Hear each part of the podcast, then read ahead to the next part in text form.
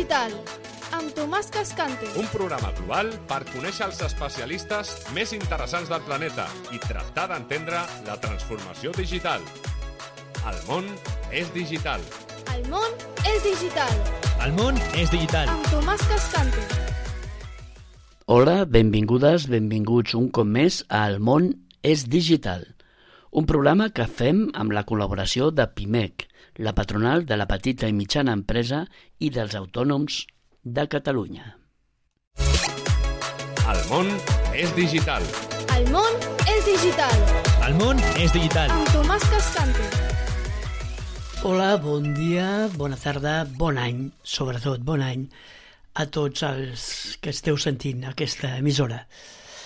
Eh, aquí estem, de nou, estem a la línia de sortida d'aquesta carrera que anomenem a l'any nou. Si bé aquesta setmana no és la setmana de l'1 de gener, és la setmana del 8, sí que és realment la setmana on torna a començar tot. Aquesta setmana, aquest programa, El món és digital, eh, arrenquem el programa doncs, eh, coincidint amb, amb el començament del curs escolar i sobretot del que podríem dir el curs laboral. Avui hem tornat de vacances, avui, avui estem plens de, de, d'il·lusions, de projectes, i avui realment és quan comença 2024, un any que, per cert, té 366 dies. El món és digital. El món és digital, El món és digital. amb Tomàs Cascante. Avui deixem definitivament enrere les festes, les vacances i aquest realment merescut descans que tots hem disfrutat. Bé, vull dir, quasi tots. Però ara realment és temps de tornar a la realitat, a la quotidianitat, per encarar aquest any nou.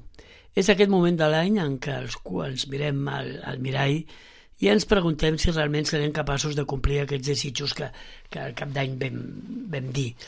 Desitjos que de fet depenen quasi exclusivament de nosaltres perquè més que desitjos són propòsits que està a la nostra mà complir-los o no complir-los.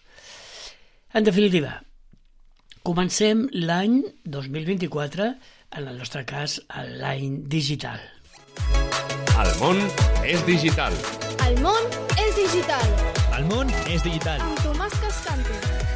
Recorda, nosaltres estarem aquí cada setmana acompanyant-vos amb aquest viatge que aquesta emissora fa eh, de cara al, al futur digital, al món digital.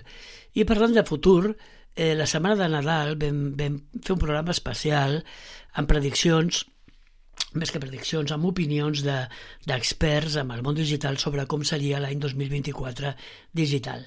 Avui mm, volem fer una mica la segona part d'aquest programa i també al programa tenim avui unes interessants entrevistes o unes interessants opinions d'experts sobre que opinen sobre com veuen aquest futur digital aquest any 2024 com, el, com serà digitalment parlant.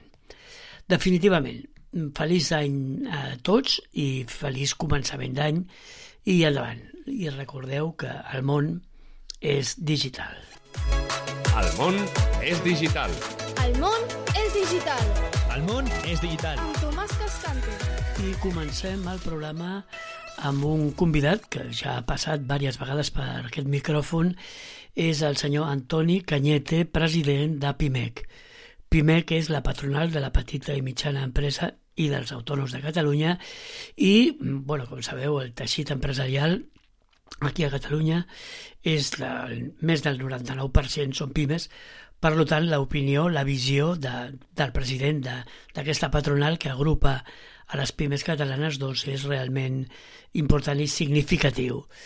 Eh, senyor Canyete, com es veu, eh, com, quines són les, les, les previsions, la perspectiva que es veu des de PIMEC d'aquest any 2024 que ara tot just comença?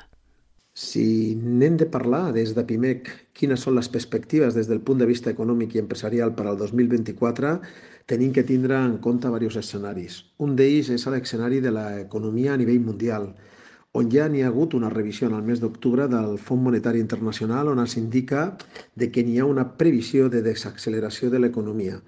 ja que en el 2022 va ser del 3,5, un 3 que ha sigut aquest any, i aquesta previsió del 2,9 que ens indica clarament una lenta desacceleració, però desacceleració en aquest sentit ja que aquesta situació del 2,9 com a previsió dona que està per sota de la mitjana històrica que ha tingut l'economia a nivell mundial.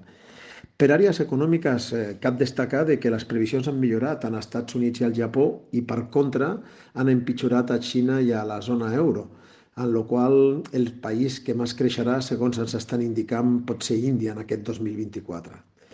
La projeccions que el Fons Monetari Internacional i les perspectives que dona són positives. En el curt termini indicat que s'incrementa la probabilitat d'un aterratge suau, com deien a nivell mundial. No? L'alerta per això és l'increment que es produeix en aquest cas de, de lo que és, eh, en aquest cas, eh, el, el tipus d'interès que ha crescut a, a, en tots els àmbits. No? Per una altra banda, també podríem dir que si fem un anàlisi a nivell de la zona europea, Dins de la zona euro, eh, aquí el que parlem és de que tindrem un creixement de l'1,2%, per tant, per sota del que comentaven anteriorment, però destacant sobretot la dolenta perspectiva que té l'economia alemanya. No? En aquest cas, eh, Alemanya podrien dir que el 2024 el seu creixement serà moderat i pràcticament un estancament econòmic quasi, quasi en el conjunt de l'economia europea. També n'hi ha una, un any de transició, pendents del comportament, òbviament, del tipus d'interès i sobretot la disminució dels dèficits públics. La guerra d'Ucrània, el preu del petroli, el gas i l'execució dels fons Next Generation són alguns dels paquets econòmics que condicionaran, sens dubte, aquest any de transició que tindrem eh, i que marcaran en funció d'aquests paràmetres com es comportarà. Per una altra banda, el Fons Monetari Internacional també preveu un millor comportament de l'economia espanyola respecte a l'europea, tot i que també rebaixa les expectatives de creixement per 2024 a un 1,7 en la línia de revisió general. Quan en aquest cas entrem per analitzar quina és la repercussió que pugui tindre en aquest cas a l'economia eh, catalana, nosaltres en aquí sí que fem una valoració una mica per sota perquè creiem que la valoració que ha fet la Generalitat és optimista al voltant de l'1,8%. Nosaltres sí que veiem que és un millor comportament que l'economia europea, però segons el Departament d'Estudis de PIMEC nosaltres estimem que estarà entre un 1 i un 1,5% el creixement que tindrà l'economia catalana. Això, aquesta forquilla estarà determinada per lo que són els tipus d'interès i perquè són la sequera entenent que s'ha fet una previsió, en aquest cas, de creixement molt relacionada, en aquest cas, al consum que pugui haver-hi familiar i també alguns paràmetres, com deien anteriorment. Per acabar i concretar, els elements clau que canviaran els escenaris són la evolució del tipus d'interès, que el Banc Central Europeu pugui marcar. Nosaltres creiem i demanem que el tipus hauria de reduir-se a partir del tercer trimestre per dos factors essencials. Les tensions inflacionistes s'han estabilitzat i no existeix ja una previsió a l'alça i la debilitat econòmica que ja tindrà una mica més signes d'evidència a nivell d'alguna forma europeu. També condicionarà molt el repunt dels preus del petroli, del petroli i el gas, lligant a la transició energètica i al manteniment a nivell d'ocupació. Serà un element clau.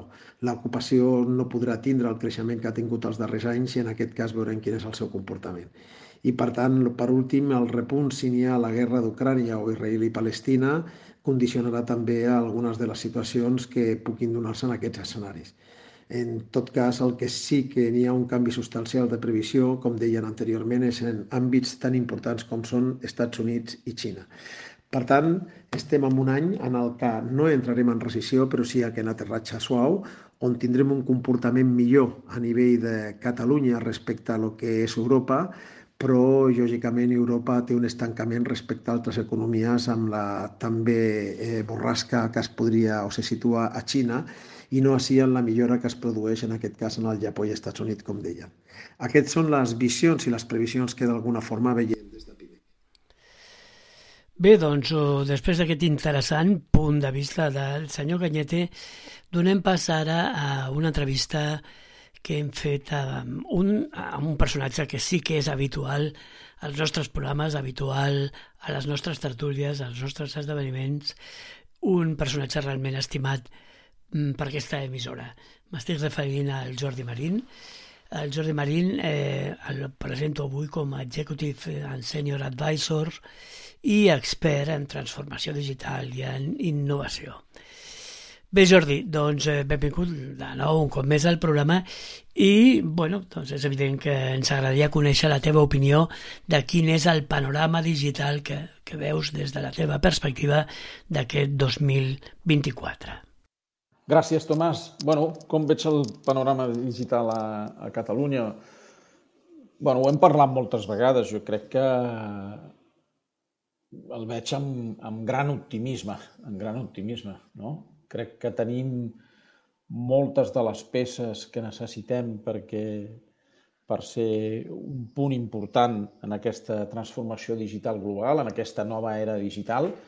Recentment eh, vam veure com s'inaugurava el Mare Nostrum 5, no? que és el supercomputador, un dels més grans del món, i per tant ens dona capacitats per estar. Eh, les notícies també de la participació en el disseny de, de xips, l'ecosistema de startups que no, para, que no para de créixer, encara que les inversions sembla que s'estan aturant, però tenim un ecosistema de startups importantíssim, fruit de la feina de fa molts anys eh, de, la, de Barcelona i de Catalunya en aquest sentit. A nivell d'infraestructures, eh, seguint tecnològiques, seguint creixent. Les nostres universitats en recerca són punteres en molts camps eh, tecnològics. Per tant, jo sóc molt, molt optimista.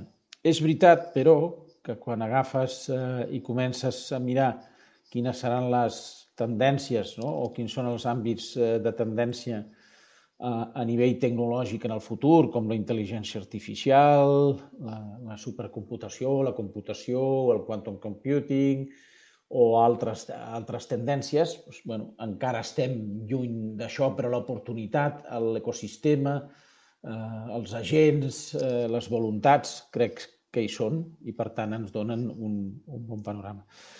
Per altra, eh, és lo, és lo de sempre, partint d'una un, bona posició, hem d'aprofitar les oportunitats i això requereix, jo crec, que entre tots eh, posem focus, no? posem, eh, posem direcció, posem estratègia, posem capacitat, posem tots els recursos per poder fer realitat aquest, eh, aquesta, aquesta estratègia o aquesta pretensió que ser un hub important eh, tecnològic eh, a, nivell, a nivell mundial o com a mínim eh, a, nivell, a nivell europeu. No? I crec que tenim tots els elements. Per tant, per mi el 24 pot ser un any de consolidació d'aquesta aquest, eh, posició, pot ser un any que si tots eh, remem junts podem eh, estar, no? estar aquí. També ens falten coses encara. Eh? Ens falta accelerar la transformació digital de les nostres empreses, no de les grans, que segurament moltes ho han fet, les pimes estan en ello, però crec que encara ens falta accelerar això. Ens falta una gran acceleració de lo que és la transformació digital plena de l'administració pública per transformar l'administració realment i que sigui un agent al servei dels ciutadans i de les empreses i aquesta transformació digital és, és importantíssima i ens falta segurament eh, seguir invertint molt més en innovació i desenvolupament. Ja ha canviat una mica la tendència l'últim any, però ens falta encara fer una aposta molt més forta en això.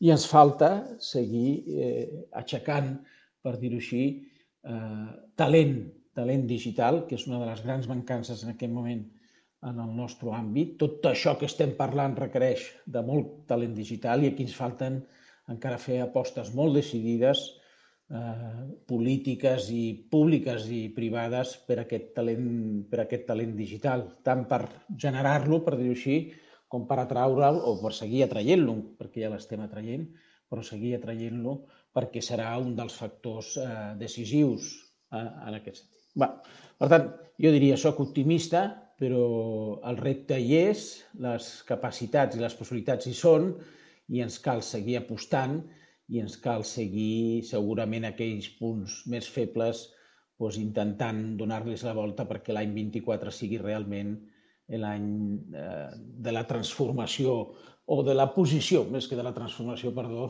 més que de consolidar una posició que Catalunya pot tenir i Barcelona pot tenir en aquest panorama global de la transformació digital. Gràcies. Gràcies, Tomàs. El Jordi Marín ens ha pintat un panorama força engrescador, bones previsions pel 2024. Eh, no obstant, també ens ha fet eh, veure els problemes dels entrebancs o els problemes que poden haver-hi. Eh, gràcies, Jordi. El món és digital. El món és digital. El món és digital. Amb Tomàs Cascante. La setmana passada eh, vam dedicar el programa a la dona i les TIC i la nostra convidada va ser la Liliana Arroyo, directora general de Societat Digital de la Generalitat de Catalunya. Amb aquell programa també ens, fa, ens va fer una previsió de com estaria aquest tema concret, el de la dona i les TIC, aquest eh, 2024, i avui hem volgut preguntar-li com veu en general el panorama digital de Catalunya en aquest 2024 que, que estem començant. Liliana, com veus el panorama des de la teva direcció general? Des de la Direcció General de Societat Digital veiem un 2024 on els drets digitals, els drets i les responsabilitats digitals estaran al centre del debat.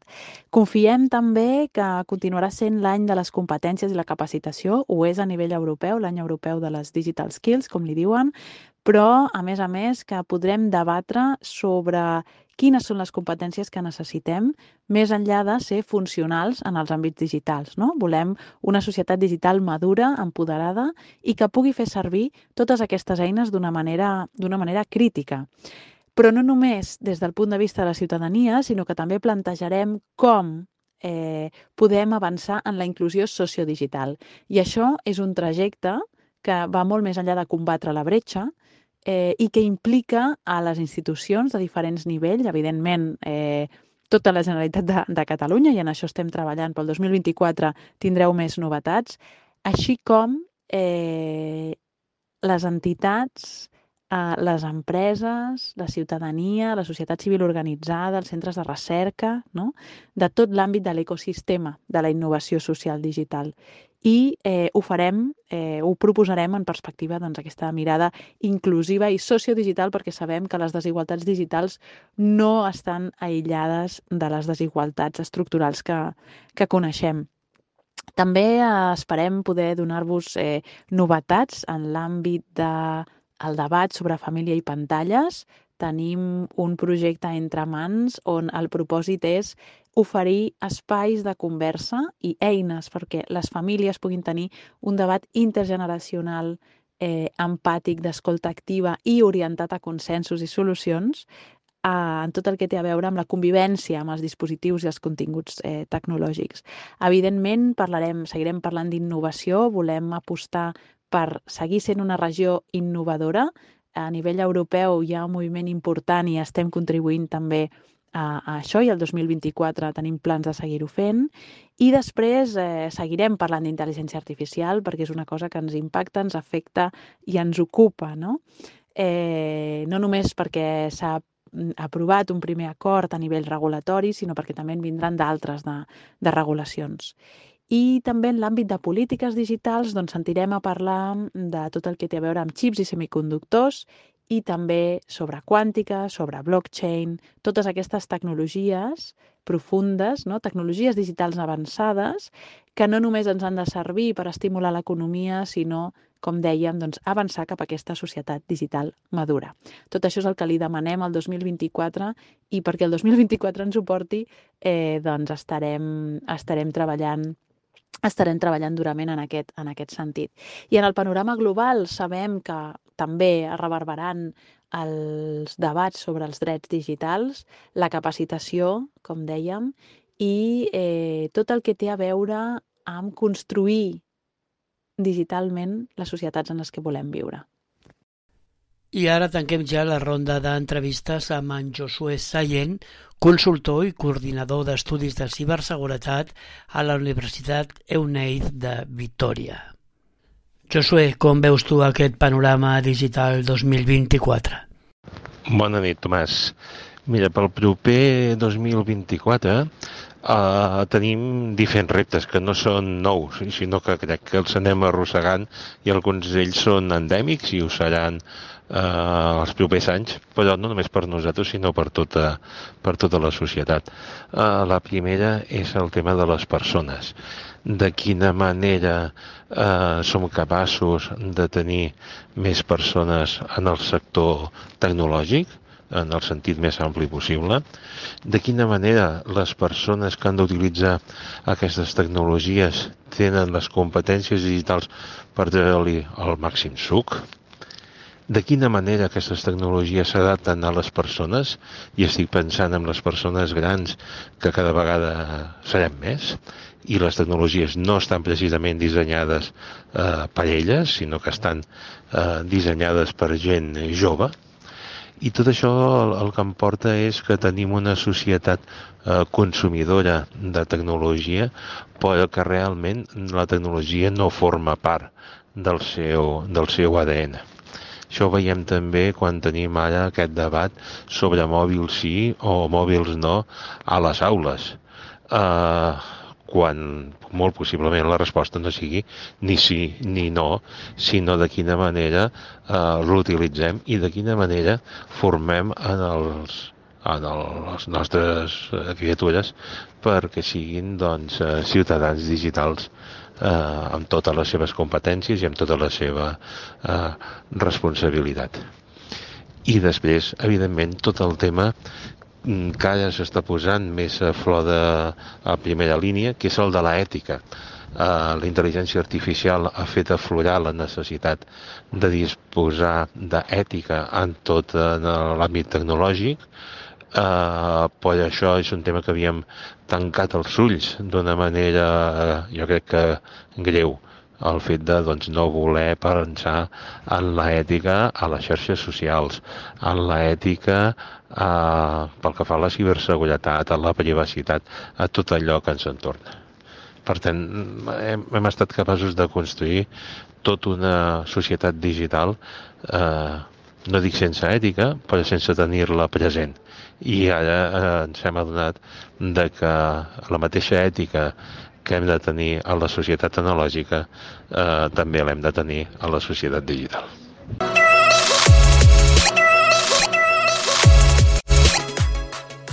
I ara, per acabar el programa, la Marta Clua ens presenta un llibre, una novel·la amb un toc tecnològic. Avui, a TocTec, parlarem de la transformació digital a l'administració pública i ho farem amb El test, de Silvan Nobel, amb la traducció de la Marina Espasa i editat per Mai Més. Us faig una breu ressenya de la història. L'Idir és un immigrant d'origen iranià que vol aconseguir la ciutadania anglesa. Per això, espera poder fer el test de ciutadania que li permetrà quedar-se per sempre a la Gran Bretanya juntament amb la seva família. Per aconseguir la ciutadania anglesa, només ha de respondre un senzill test de 25 preguntes sobre cultura general. Així que l'IDIR es presenta a les instal·lacions oficials juntament amb la seva dona i els seus dos fills. Tot sembla que va sobre rodes. Les preguntes del test les ha preparades bé i coneix les respostes. Però el que no havia previst és que durant el transcurs de l'examen un grup de terroristes accedeixen a l'edifici on es troben i la situació agafa un caire totalment inesperat. L'IDIR haurà de decidir no sols sobre el seu futur, sinó també el de les persones que són amb ell. I ja us anticipo que no serà una decisió senzilla. No us vull explicar gran cosa, ja que es tracta d'un llibre molt breu i l'heu de descobrir. Quin seria el toc tec de la nostra història? Doncs ens trobem davant d'una novel·la que ens situa en un futur, on, malgrat tots els avenços tecnològics, no existeix la lliure circulació i el futur de les persones es segueix decidint amb absurds textos memorístics sobre cultura general. Tot i que, en realitat, no us estic explicant tota la veritat, perquè no vull fer cap spoiler i desvetllar-vos la trama. Però el que sí us puc avançar és que la intel·ligència artificial i el metavers tenen un, un paper protagonista i decisiu sobre el destí de les persones. El test és un llibre escrit a partir de la crisi dels refugiats que ja fa uns quants anys que vivim a tota Europa. Nobel fa una dura reflexió sobre les polítiques d'immigració occidentals, ironitzant sobre aquesta superioritat occidental envers els menys afortunats que busquen l'acollida europea. Ens trobem davant d'una història pertorbadora i inquietant, que ens parla de la veritable naturalesa humana, la por i l'odi o l'amor i l'acceptació.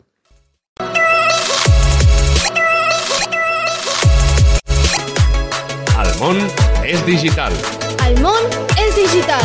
El món és digital. Amb Tomàs Cascante.